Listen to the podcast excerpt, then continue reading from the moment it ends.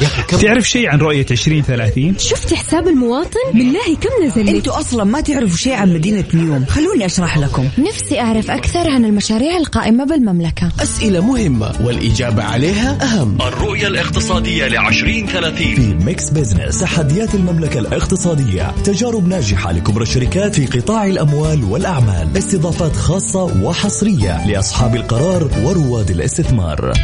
الآن Mix Business مع جمال بنون وعبد العزيز عبد اللطيف على Mix FM Mix Business مع جمال بنون وعبد العزيز عبد اللطيف على Mix FM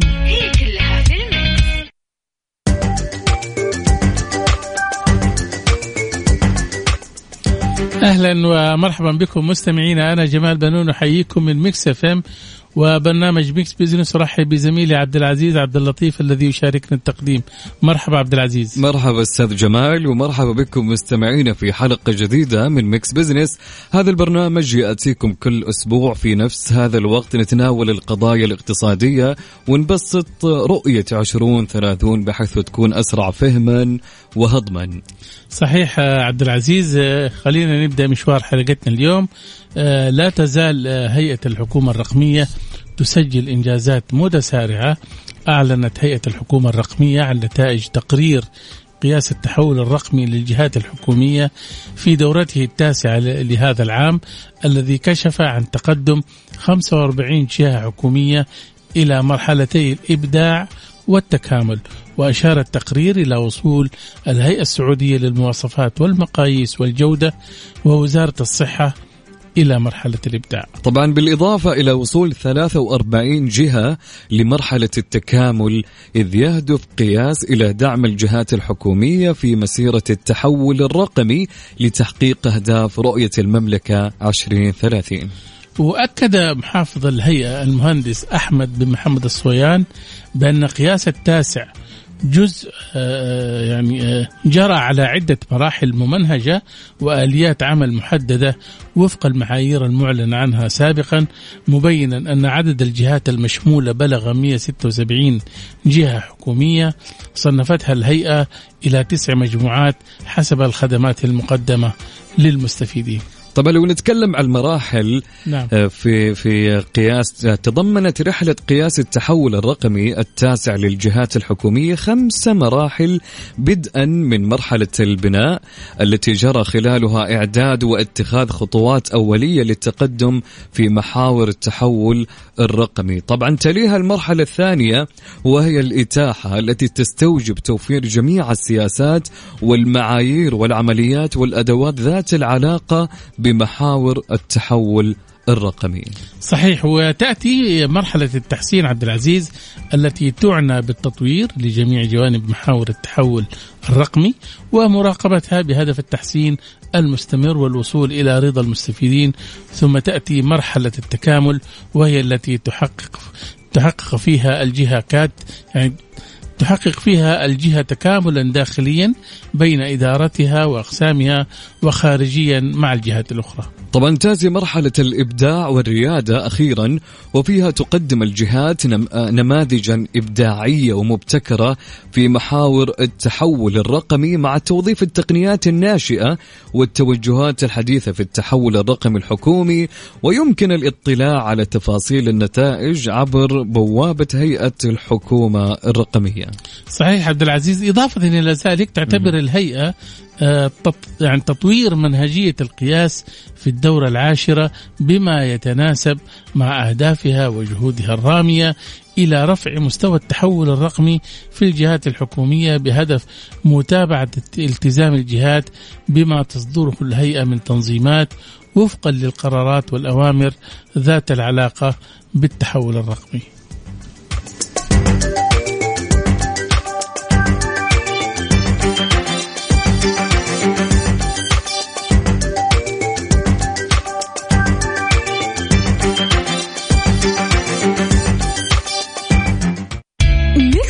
Business مع جمال بنون وعبد العزيز عبد اللطيف على Mix FM.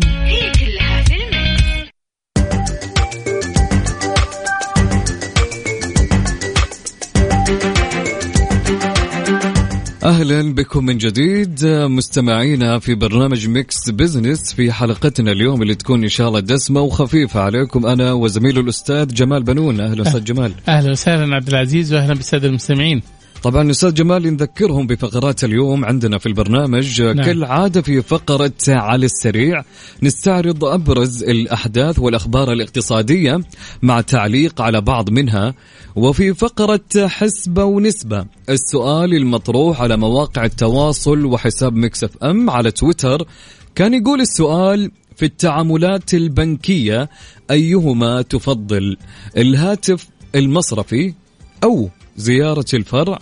أو تطبيق البنك على الهاتف أو موقع البنك على النت. طبعا آه، راح يكون على موقع التواصل الاجتماعي آه، في آه، تويتر على Mix FM Radio وعلى نستقبل المشاركات اليوم حتى في الواتساب على صفر خمسة أربعة ثمانية وثمانين أحد عشر سبعمية. أعطينا رأيك وراح نقرأ بإذن الله.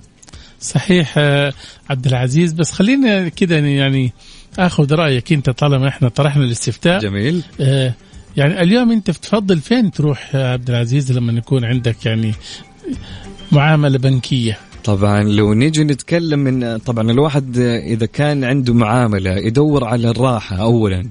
أيوه. طبعا أنا أشوف يعني أيسر لي وأريح لي من ناحية إني أنا ما ما أشوف إنه في جهد عن طريق التطبيق اللي يكون على الهاتف. يعني يكون نعم. موثوق نعم. من البنك آه، من حوالات آه، من إضافات مستفيدين من من أمور كثيرة حتى إنك تقدر تطلع بطاقة فيزا من نفس التطبيق نعم فهو تقريبا الخيار اللي أنا أشوفه مناسب بالنسبة لي طبعا ما ندري هم إيش بيختاروا اليوم نشوف إيه؟ طبعا في عندهم الخيار الأول اللي هو الهاتف المصرفي أو زيارة فرع أو تطبيق البنك على الهاتف أو موقع البنك على النت. طبعا آه، نرحب بالتعليقات اللي تجينا على رقم الواتساب للمشاركة في البرنامج 05488 11700 صحيح. طيب خلينا نذكر السادة المستمعين. أيضا في فقرة أهل الثقة اليوم آه نتحدث عن مطالبات مجلس الشورى بتمديد مهلة تسجيل العقارات والأراضي التي ليس لها وثائق نظامية أو غير مكتملة الإجراءات ونتحدث حول هذا الموضوع مع عضو مجلس الشورى مهندس نبيه عبد المحسن الإبراهيم ومه... ومهندس سابق طبعا هو في إدارة مشاريع أرامكو حيكون ضيفنا من القطيف نعم طبعا في فقرة Spotlight راح نتحدث عن أحلام رواد الأعمال وكيف تتشكل وتبدأ وتحويل الأحلام إلى واقع. نتحدث مع الأستاذة آه، حسيب الإسكندراني عضو المجلس التنفيذي لسيدات الأعمال في غرفة الشرقية ومستشارة إدارية من الخبر. طبعا كل هذا وأكثر اليوم وين؟ في حلقة Mix Business Mix Business اليوم.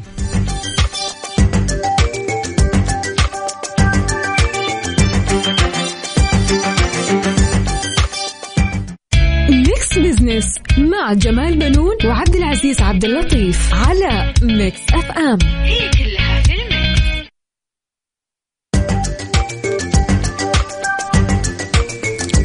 عدنا لكم من جديد مستمعينا في Mix Business مع زميلي عبد العزيز عبد اللطيف. مرحبا عبد العزيز. مرحبا أستاذ جمال أهلا وسهلا. آه، طبعا عبد العزيز مع اقتراب انتهاء مهلة تسجيل العقارات.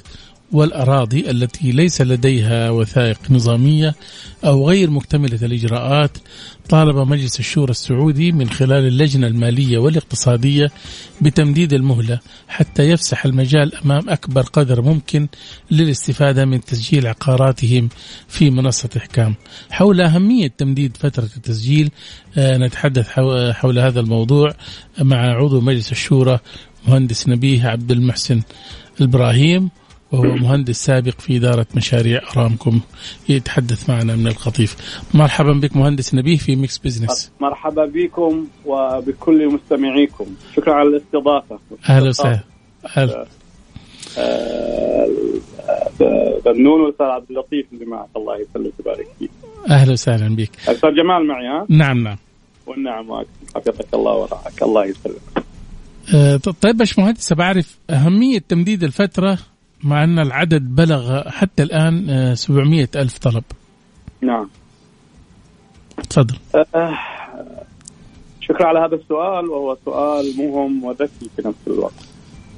أه تعرف والكل لا يخفى على أحد يعني أن آه، أهمية امتلاك صك لكل مالك لعقار والإجابة على سؤالك هذا قد يأخذ أحد الاتجاهين عند الجهة المسؤولة المتمثلة في هيئة عقارات الدولة. الاتجاه الأول ممكن العدد الآن أصبح ضخما جدا وأكثر بكثير من المتوقع وهذا يمثل آه، معظم العقارات المطلوب آه، تسجيلها.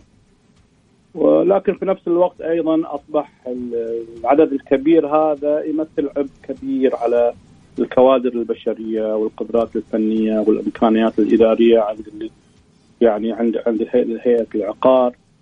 وبالكاد تستطيع أن تعالج هذه الطلبات التي تتطلب عملا مضنيا في المراجعة والتدقيق وفق محددات الأمر الأمر الملكي الكريم الصادر في 17 10 عام 1421 هجريا وصولا إلى رفع المقام الثاني لاعتمادها.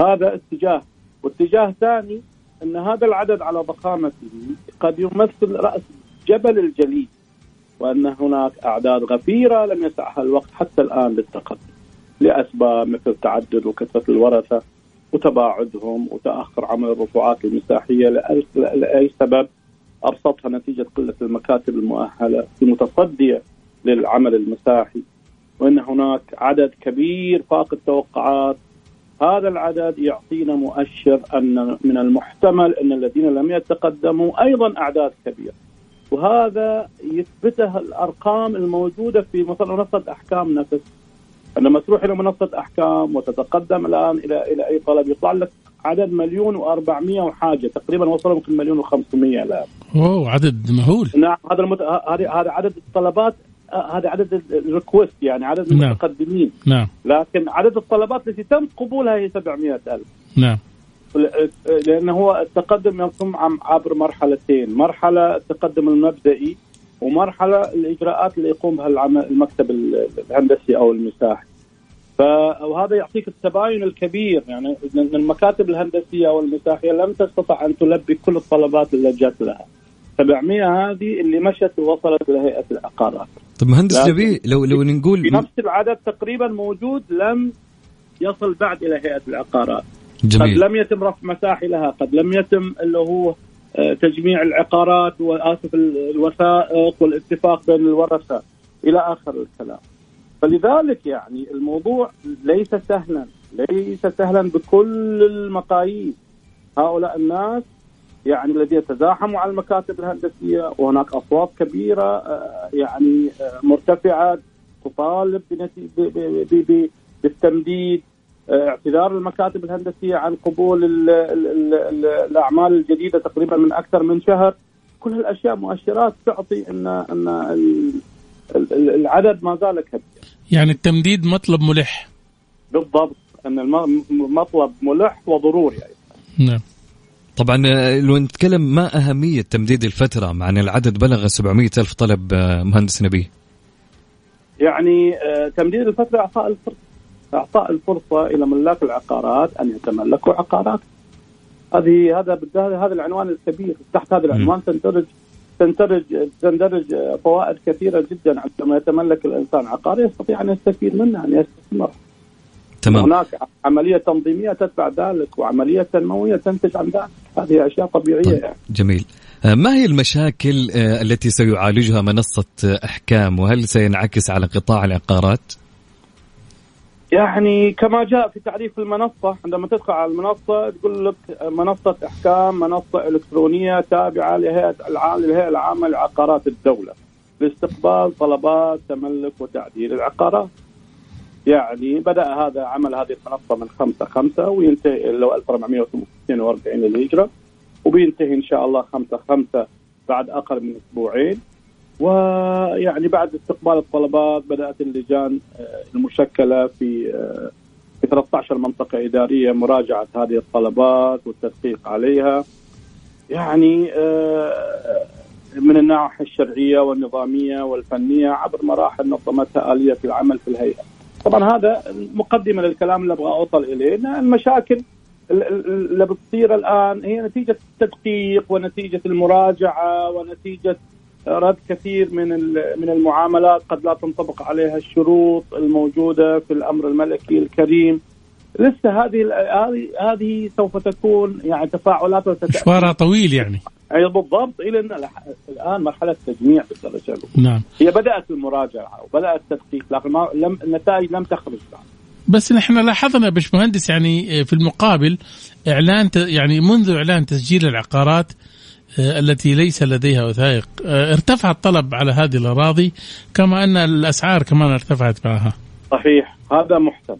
هذا محتمل. لكن لا أتصور أن أي عقار غير موفق سيجد طريقه للتسجيل. هذا يعني الكلام معلن عنه نعم. يعني أيضا وضعوا حلول صفوف الجيران آه، آآ يعني الباب ليس مسدودا يعني ممكن تثبت لكن آه، العقار الغير موفق فعلا لن أتصور لن يصل له إلى إلى إلى, إلى المرحلة النهائية. يعني الغرض من المنصة هو حقيقة تسريع الإجراءات وليس القفز على الأنظمة والمتطلبات الضرورية لإثبات عائدية العقارات المتبعة من النواحي الشرعية والنظامية والفنية. سبق أني وضحت. صحيح، طب اسمح لنا آه، مهندس نبيه نطلع فاصل ومن ثم نستكمل معك الحوار. حياكم الله.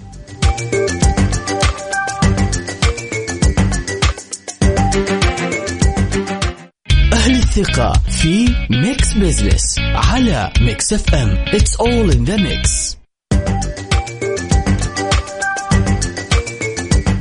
أهلا بكم مستمعينا من جديد ونكمل حوارنا. آه، أنا والأستاذ جمال بنون وضيفنا. أهلا أستاذ جمال. أهلا وسهلا عبد العزيز واهلا بالسادة المستمعين. طبعا مطالبات مجلس الشورى بتمديد مهلة تسجيل العقارات والأراضي التي ليس لديها وثائق نظامية أو غير مكتملة الاجراءات وحوارنا مستمر مع عضو مجلس الشورى مهندس نبيع عبد المحسن الإبراهيم ومهندس سابق في إدارة مشاريع ارامكو من القطيف مرحبا بك من جديد مهندس نبيه مرحبا بكم سلمكم الله جميعا أستاذ عبد العزيز أستاذ جمال. أه مهندس نبيه هل تعتقد أنه ستنتهي لدينا مشاكل العقارات وبيع الأراضي الغير موثقة مع ضوابط عقارات الدولة؟ يعني سوف نحد من ذلك أو يحد من ذلك، لا شك أن تمكين أصحاب العقارات أو الأملاك من تسجيل أملاكهم وإصدار صكوك عليها سيكون له آثارها العظيمة جدا على جميع المستويات الاقتصادية والتنظيمية والتنموية وسيساهم في رفع مستوى الثقه في الثروة العقارية. فعلا نحن نعيش أزمة ثقة أحيانا في الثروة العقارية، الواحد يعرض عليك أرض تقول جيب لي صك وإذا جاب لك صك تبغى تتأكد إنه موثق أو غير موثق إنه منطبق عليها كل المواد والأنظمة أو لا. هذا التسجيل سوف يعيد الثقة إلى الثروة العقارية. وهذا سوف يكون له انعكاساته إن شاء الله التنموية إن شاء الله والتنظيمية. خصوصا الغير مستفاد منها حاجة لعدم وجود حقوق نظاميه عليه. وأظن كمان يعني حتحد من آه من آه تجار الأراضي الوهميين الحقيقة. صحيح صحيح. 100% 100% نعم، طب خلينا أعرف منك يا باشمهندس إيش هي ملامح المرحلة المقبلة آه لهذه العقارات بعد الانتهاء منها؟ إحنا عرفنا الآن حتتسجل وبعدين الناس يعني حتنتظر إيش يعني حيكون جميعا نحن إن شاء الله بعد ما تكتمل العملية إن شاء الله تخرج الصكوك على معظم العقارات الموجودة في المملكة ومعظم الاملاك أن يكون الواقع العقاري في المملكة أكثر تنظيما وتكون له قابلية عالية للاستثمار. الاستثمار الأمثل وليس فقط الاستثمار. تحت نعم. مظلة رسمية خاضعة للرقابة وأيضا تفعيل موضوع الحوكمة. التي ستمنع الفوضى وتحد من الهد والفساد. هذا شيء طبيعي يعني والشيء اللي تفضلت فيه اللي هو التجاره الوهمية للعقارات. نعم صحيح. بالتأكيد مرحلة مهمة تدخلها الأراضي الغير موثقة. سنرى نعم. كيف سيكون شكل العقار وهناك ترقب لتمديد مهلة التسجيل وكلنا أمل أن تستجيب الجهات المختصة. انتهى وقتنا مهندس نبيه. شكرا لك شكرا لمشاركتك. شكرا جزيلا وشكرا على الاستضافة. أهلا آه، مستمعينا كان معنا عضو مجلس الشورى مهندس نبيه عبد المحسن الابراهيم وهو مهندس سابق في إدارة مشاريع أرامكو كان متحدثا معنا من القطيف. طبعا أستاذ جمال نذكر المستمعين الكرام بسؤال اليوم. في حسبه ونسبه كان يقول السؤال في التعاملات البنكية أيهما تفضل؟ كل شخص بالحياة في التعاملات البنكية يفضل يعني الخيار الأول الهاتف المصرفي عندك الخيار الثاني زيارة فرع الخيار الثالث تطبيق البنك على الهاتف الخيار الرابع موقع البنك على النت. طبعا إحنا نبي ارائكم حول هالسؤال. طبعا نتمنى تشاركون معنا على مواقع التواصل الاجتماعي على Mix FM Radio أو على الواتس اب على رقم الوات صفر خمسة أربعة ثمانية ثمانية واحد واحد سبعة صفرين. نعيد الرقم صفر خمسة أربعة ثمانية ثمانية واحد واحد سبعة صفرين. شكرا لكم ونشوف إن شاء الله ردودكم بعد شوي. أتمنى الكل يتفاعل معنا اليوم. نعم نعم.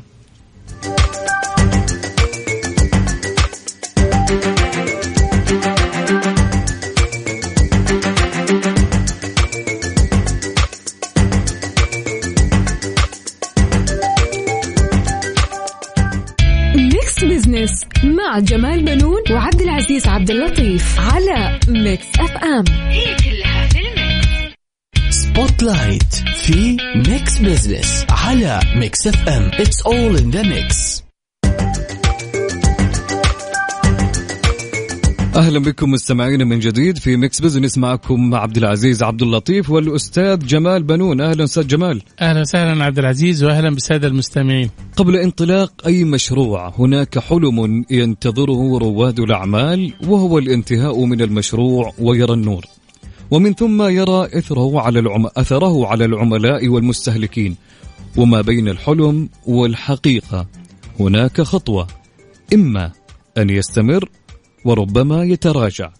نتعرف كيف يحلم رواد الأعمال. سوف نتوسع أكثر حول هذا الموضوع مع الأستاذة حسيبة الإسكندراني عضو المجلس التنفيذي لسيدات الأعمال في غرفة الشرقية ومستشارة إدارية من الخبر. مرحبا بك أستاذة حسيبة في Mix Business. يا أهلا ومرحبا. كيف حالك أستاذ جمال؟ كيف حالك أستاذ آه، في البداية حابين نعرف ما هي أهم أحلام رواد الأعمال؟ طيب أولا أشكركم على الاستضافة. آه معظم أحلام رواد الأعمال هي أنهم يبغوا الشهرة والوصول إلى الملايين بسرعة فائقة. آه زي ما يقولوا فتحوا المشروع اليوم يبغوا الفلوس بكرة. وهذا كويس يعني ولا؟ آه ما في شيء يجي بين يوم وليلة. تمام. وصعب إنك أنت مثلا تيجي تقول طب آه مثلا فلنفترض كمثال حنتكلم مثلا عن Netflix Netflix صارت Netflix زي ما هي الآن. لا أخذ منهم شغل من عام 1997 إلى الآن عشان يوصلوا للقاعدة إنه يكون عندهم ملايين العملاء وال subscribers وإلى آخره. فحلو انه الواحد يحط أحلام بس تكون على مدى منطقي. يعني أنا ممكن أبذل مجهودي اليوم وبكرة وحأوصل له. بس أهم حاجة أنه يكون في خطة زمنية لها في ترتيب لها في أهداف واضعها في آه، جدول زمني محطوط لها عشان أنا أقدر أوصل للحلم اللي أنا أبغاه. يعني أنت قصدك تقول أنه كمان يكون يعني إيش آه، واقعي في الحلم لا يكون مبالغ؟ لا ما هي مشكلة أنه يكون مبالغ لأنه أنت م. تقدر تبالغ في أحلامك. يعني مثلا آه Careem أول ما بدأت كمشروع سعودي تمام؟ ما توقعت إنها في يوم من سوري كمشروع آه إماراتي. ما توقعوا إنهم في يوم من الأيام حيتم استحواذهم من Uber تمام؟ هم كانوا متوقعين إن هم قاعدين يحاولوا يحلوا في أزمة مواصلات فقط لا أكثر ولا أقل okay؟ لكن أنت لما أنت تحط مخطط واضح وشركة آه أهدافها واضحة ورؤية واضحة تمام؟ وبعدين تقدر تتواصل مع مستثمرين تقدر تتواصل مع آه، جهات آه، للتمويل وجهات فينشر كابيتال وغيرهم. تقدر انت تنمي وتوصل للحلم اللي انت تبغاه وأكثر. بس أهم حاجة إن تكون عندك خطة واضحة للوصول لهذه المرحلة. يعني أنا ما أقدر أجي أقول لهم والله أنا عندي فكرة وأنا ما عندي شيء على يدي على الطاولة. أنا والله أبغى أسوي المشروع الفلاني مثلا وهذا حيحل مشكلة واحد اثنين ثلاثة لكن لا عندي لا دراسة جدوى ولا خطة عمل ولا أي حاجة تثبت إنه مثلا فعلا في جدوى من وراء المشروع اللي أنا حاسويه. صحيح، طيب كيف حينتقل من الحلم إلى الواقع؟ آه، أهم حاجة إنه يقدر يعرف هو فين الآن موجود وفين يبغى يصير في المستقبل. أوكي؟ وإيش الأشياء اللي هو حيسويها عشان يوصل لهذه النقطة. تمام؟ لازم كمان يعرف إيش الهدف حقه أو إيش شغفه من جوا إيش اللي حيخليه يستمر لأنه دائما رواد الأعمال لازم يعرفوا وأصحاب المشاريع إنه في مشاكل حتواجههم أو عقبات حتواجههم. لازم يكونوا حاطين في بالهم إنه هم حيقدروا ينجحوا. بس لازم يكون في شيء دائما يدفعهم إنه حتى لو في عقبة جت أنا أقدر أعديها. مهما كان. يعني كمثال في واحدة من الشركات مثلا آه، تواصلت معي مثلا. كان آه، صاحب الفكرة فيها الأستاذ وليد التركي وبعض من زملائه بادين في المشروع الأستاذ حسن قحطاني وماجد الدوسري فاتحين مشروع كوساطة تأمين آه، اسمها قارن لما بدأوا المشروع الفكرة هم جلسوا عليها اشتغلوا عليها بدأوا يشتغلوا على دراسة الجدوى حقتها. شافوا انه هم بعد عملهم في عدة سنوات في التأمين وأخذوا الخبرة اللازمة إنه هم حابين يطوروا هذا المجال. حابين يشوفوا إيش الشيء اللي ناقص في السوق وهم يضيفوه. يحاولوا يلاقوا فين اللي السوق محتاجه ويلاقوه. وبخطوات ثابتة بدراسات جدوى جيدة قدروا يحققوا للموضوع هذا. كمثال أقرب لي يعني. فمشروعي مثلا في جوفيا. كان في يوم من الأيام حلم حلم على ورق. لكن مع شغل وجهد. أنا وزوجي قدرنا إنه في يوم من الأيام نفتحه. بس ما صارت في يوم وليلة. في تعب في الموضوع. في شغف إحنا كنا حاطينه في بالنا. في رؤية معينة إحنا حابين نوصل لها. وبهذا الشيء إحنا دائما نقدر نوصل اللي إحنا نبغاه بس نلاقي أهم حاجة الشغف حقنا. طبعا في أشياء معينة لازم دائما يفكروا فيها لما يجوا يبغوا يحولوا الحلم إلى واقع. لازم يساووا تخطيط تخطيط استراتيجي تحليلي وبعد كذا يصير تشغيلي. لازم يشوفوا هم إيش الشيء اللي هم يبغوا يوصلوا له فين الرؤية اللي يبغوا يروحوا لها. بعد كذا يبدأوا يشوفوا كيف يقدروا يوصلوا لها. إيش الأشياء اللي معاهم الآن في يدهم تمكنهم من هذا الشيء. وبعد كذا يبدأوا يشوفوا إيش نقاط القوة حقتهم وإيش نقاط الضعف. بهذا الشيء هم قدروا يساووا تحليل بعد تحليل. تمام؟ بعدها ينطق يحولوها إلى إلى الخطوة اللي بعدها okay؟ واللي هو التنفيذية. يبدأوا يشوفوا طيب إيش الفرص اللي موجودة إيش المخاطر اللي موجودة. ويبدأوا يشوفوا كيف يحولوا نقاط الضعف هذه والخطر هذه إلى فرص. إلى نقاط قوة لها okay ويحاولوا يستغلوها قد ما يقدروا آه طيب إيش الأولويات بالنسبة لرواد الأعمال آه للانتقال إلى المرحلة التنفيذية؟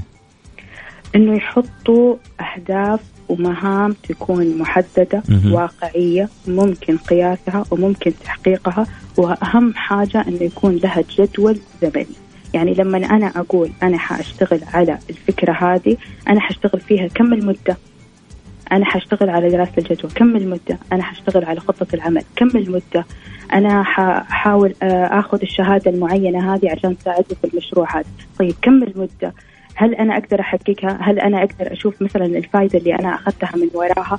مش إنه مثلا بس والله أنا آه، أبغى أصير آه، صاحب مشروع فلاني، طيب إيش الشيء اللي أنت استفدته؟ إيش الخطوات اللي أنت أخذتها؟ يعني كمثال كمثال جدا بسيط لو إحنا مثلا نجي نقول أنا أبغى أدخل الجامعة إيش الآن المتطلبات للطالب اللي يبغى يدخل الجامعة؟ واحد لازم ياخذ معاه شهادة الثانوي، لازم ياخذ اختبار القياس، لازم ياخذ اختبار التحصيلي، آه لازم يدور على هو إيش المواد اللي هو حاببها، فين ميوله الجامعي عشان يقدر يختار التخصص حقه. كل هذه اهداف واضحة ومحددة، متى ما الرائد الأعمال قدر يحط الأهداف هذه قدر يرسم الخطوات هذه يقدر يحول الحلم حقه إلى مرحلة تنفيذية ويقدر يمشي فيها. هي جدا شيء صعب لأنه هو وقتها بيكون بيحول من إطار عشوائي إلى إلى إطار تنظيمي. بس النقاط هذه جدا مهمة إنه هو يتخذها. جميل جدا. اسمحي لنا استاذه حسيبة نستكمل معك الحوار بعد هالفاصل الصغير. تمام إن شاء الله.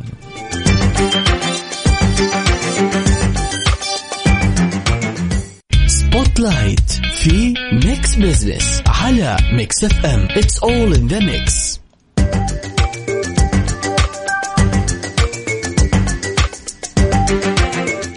أهلا بكم مستمعينا من جديد. حوارنا مستمر مع الاستاذه حسيبه الإسكندراني عضو المجلس التنفيذي لسيدات الأعمال في غرفة الشرقية ومستشارة إدارية من الخبر عن أحلام رواد الأعمال كيف تتشكل وتبدأ وتحويل الأحلام إلى واقع. مرحبا بك من جديد أستاذة حسيبة. يا أهلا ومرحبا هلا ومرحبا. طبعا موجهين آه، رواد الأعمال لدينا هل لديهم إلمام بطبيعة مجتمع الأعمال السعودي؟ آه طبعا آه كثير من المر... المرشدين أو الموجهين اللي الآن موجودين في الساحة إن كانوا في جميع أنحاء المملكة كلهم آه والمعظم منهم على دراية آه بالأشياء اللي يحتاجها رواد الأعمال طبعا في تغيرات حاصلة في الفترة الأخيرة كثير بسبب كل اللي بنمر عليه بسبب موجة أزمة كورونا وغيره لكن معظمهم قادرين على أنه هم يساعدوهم على توجيههم آه، بحيث أنه يبدأوا من الفكرة إلى أنه ينفذوا المشروع حقهم. آه يعني هم هم ملمين ومطلعين على هذا. بس أنا أشوف إنه أحيانا يعني بعض الموجهين لما يجي يضرب أمثلة يستخدم يعني تجارب غربية. آه أنا أقول لك هم كثير من باب يستخدموها من باب التحفيز. أنا من الناس اللي أحب أوكي إنه أنا أستخدم مثل غربي ولكن أستخدم مثل آه عربي في نفس الوقت أو في مجالنا أو سعودي أو أو أو خليجي أو غيره. لكن بيستخدموا عادة الأجنبية فقط لأنه القصص حقتهم بتكون منشورة أكثر آه متعارف عليها أكثر. آه قصص النجاح عندنا آه في السعودية مش دائما بنسمعها. ما ليش؟ من الحسد يعني؟ لا والله ما أعرف صراحة. أنا نفسي أقول لك إنه في سبب معين بس ما أدري يعني. قليل ما إنك تجلي وتجلس مع أحد مثلا يقول لك والله أنا عارف فلان فلان ناجح.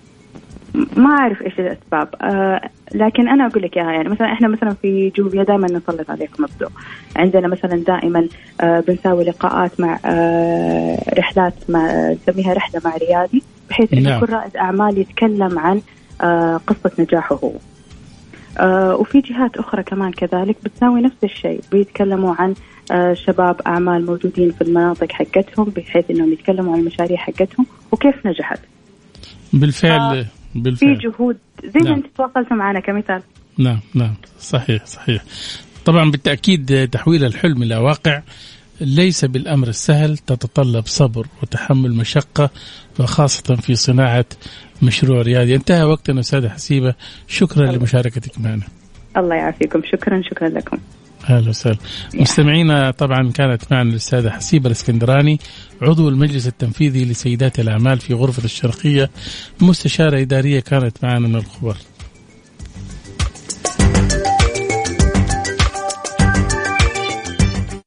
على السريع في Mix Business على Mix FM It's all in the mix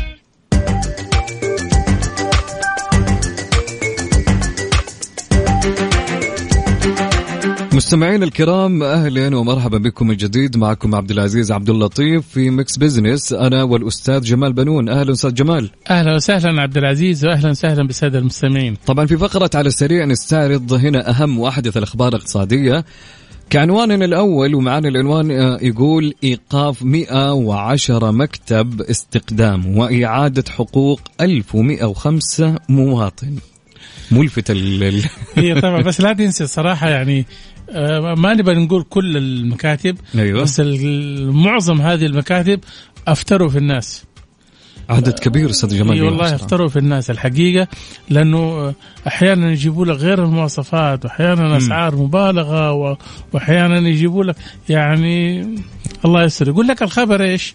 ارتفع عدد مكاتب الاستخدام الموقوفة شوف كانت 90 آه، إلى 110 مكتب مخالف بنهاية الشهر الحالي طبعا فيما تم سحب تراخيص أكثر من 43 مكتب وإنذار 64 آخرين وإعادة الحقوق ل 1105 مواطن متضرر. طبعا بحسب الإحصائية الأخيرة التي صدرت عن البرنامج تصدرت أعداد الأعمال المنزلية القادمة من الفلبين ثم بنغلاديش وأوغندا والهند وكينيا فيما تم رفع أكثر من 59271 سيرة ذاتية عن طريق 1300 مكتب استخدام آه، سعودي معتمد من 28 دولة.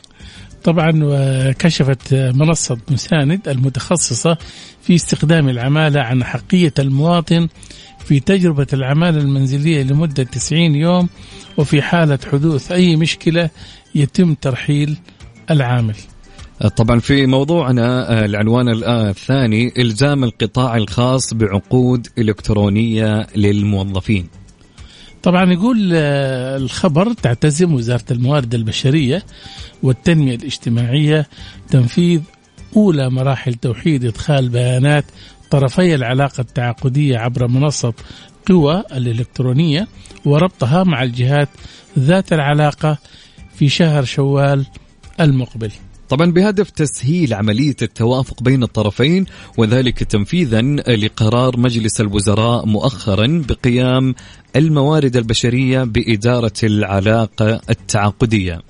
هو واضح أن العقود آه، حتكون إلكترونية تحت إشراف الموارد البشرية وحيتم إلزام جميع منشآت القطاع الخاص بتحويل العقود الورقية لموظفيها سعوديين كانوا أو مقيمين إلى إلكترونية وتوثيقها من خلال منصة قوى في شوال المقبل طبعا عنواننا الأخير في قائمة على السريع تحويل 7300 أسرة منتجة لأصحاب منشآت.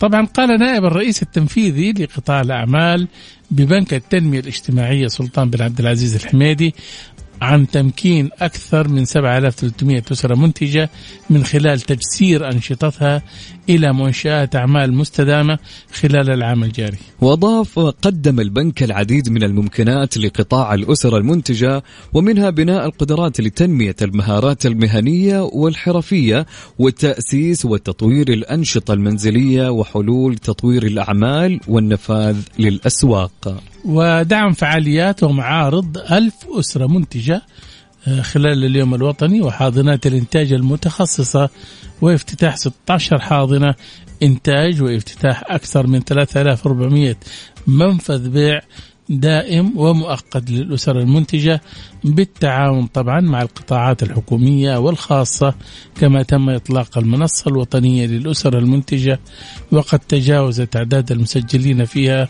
500 ألف مسجل. ما شاء الله شيء جميل يعني جدا. كويس يعني نحن إيه. نشوف الأسر المنتجة يا سلام. بدأت تتوسع وتكبر كمان. هذا هو. يعني تتحول من أسر منتجة إلى يعني إلى مشروعات ريادية شايف؟ وبالتالي هذا جدا رائع. جميل. آه ننتقل لفقرة حسبة ونسبة أستاذ جمال. طبعا آه حتى الوقت ما عاد باقي في شيء. آه كان يقول سؤالنا في التعاملات البنكية أيهما تفضل؟ أربع اختيارات عندنا. كان الخيار الأول الهاتف المصرفي الخيار الثاني زيارة فرع الخيار الثالث تطبيق البنك على الهاتف الخيار الرابع موقع البنك على النت. طبعا ناخذ التصويت؟ الأضعف فيه كم؟ يلا ناخذ الأضعف كالعادة. طبعا عندنا في تصويت اليوم على حساب Mix FM Radio على تويتر آه اللي حصل بنسبة 5% الهاتف المصرفي. لا يا شيخ. أيوه. 5% 5% يبدو إنه في شوف أنا يعني آه، أعتقد إنه هناك في مشكلة ربما في التطبيق آه، بتجعل من الصعوبة التعامل مع التطبيق وعشان كده الناس يعني ما بتتعامل معه كثير آه، ولا تنسى كبار السن عندنا يحبوا يروحوا البنك كده مباشرة. صحيح. صح ولا لا؟ صحيح. طبعا. عندنا بنسبة 7% زيارة الفرع. خلاص الناس ما صاروا أستاذ جمالي بيروحوا والله ما, في مواقف.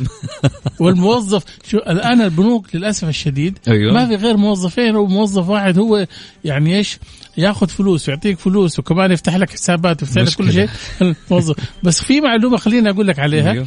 إنه آه الآن آه في يعني تأسس بنكين رقميين. جدد شايف؟ وانخفضت عدد فروع البنوك جميل والتطبيقات زادت والإنترنت الآن أصبح يعني أنا أشوف إيه. التطبيقات بكل. نكمل طبعا بنسبة 17% موقع البنك على النت بنسبة ضعيفة والله أيوه 17%. ضعيفة جدا طبعا. النسبة الحاصلة الأولى على المركز الأول تطبيق البنك على الهاتف مثل ما توقعت معك صحيح أنا. اليوم الشباب كلهم الآن أيوة. أيوة. يستخدموا آه تطبيق البنك على الهاتف ومعظم أعمالهم يعني إيش المصرفية والبنكية كلها تتم من خلال يعني فيها التطبيق. سهولة أستاذ جمال. وأنت يعني جالس في البيت وأنت يعني على سريرك تنتهي من أمورك كلها ومع السلامة صراحة. ترى تتعرض للاحتيال أحيانا. مرات إذا ما كنت منتبه. أيوه صح ولا. لا؟ فعلا. فانتبهوا اللي بتستخدموا أنتم آه، التطبيقات الإلكترونية أو هذا. لا يجي أحد يضحك عليكم ممكن إيه، يحاسب من غير من البطاقه في جيبك كل شيء والجوال ويحاسب. نعم. طيب إلى هنا وصلنا معاكم نهاية حلقة اليوم ل Mix Business أنا والأستاذ جمال وموعدنا يتجدد معكم الأسبوع المقبل إن شاء الله. بالتأكيد إن شاء الله ضيوف جدد ومعلومات جديدة ومادة خف يعني سهلة وخفيفة. شكرا لكم في أمان الله.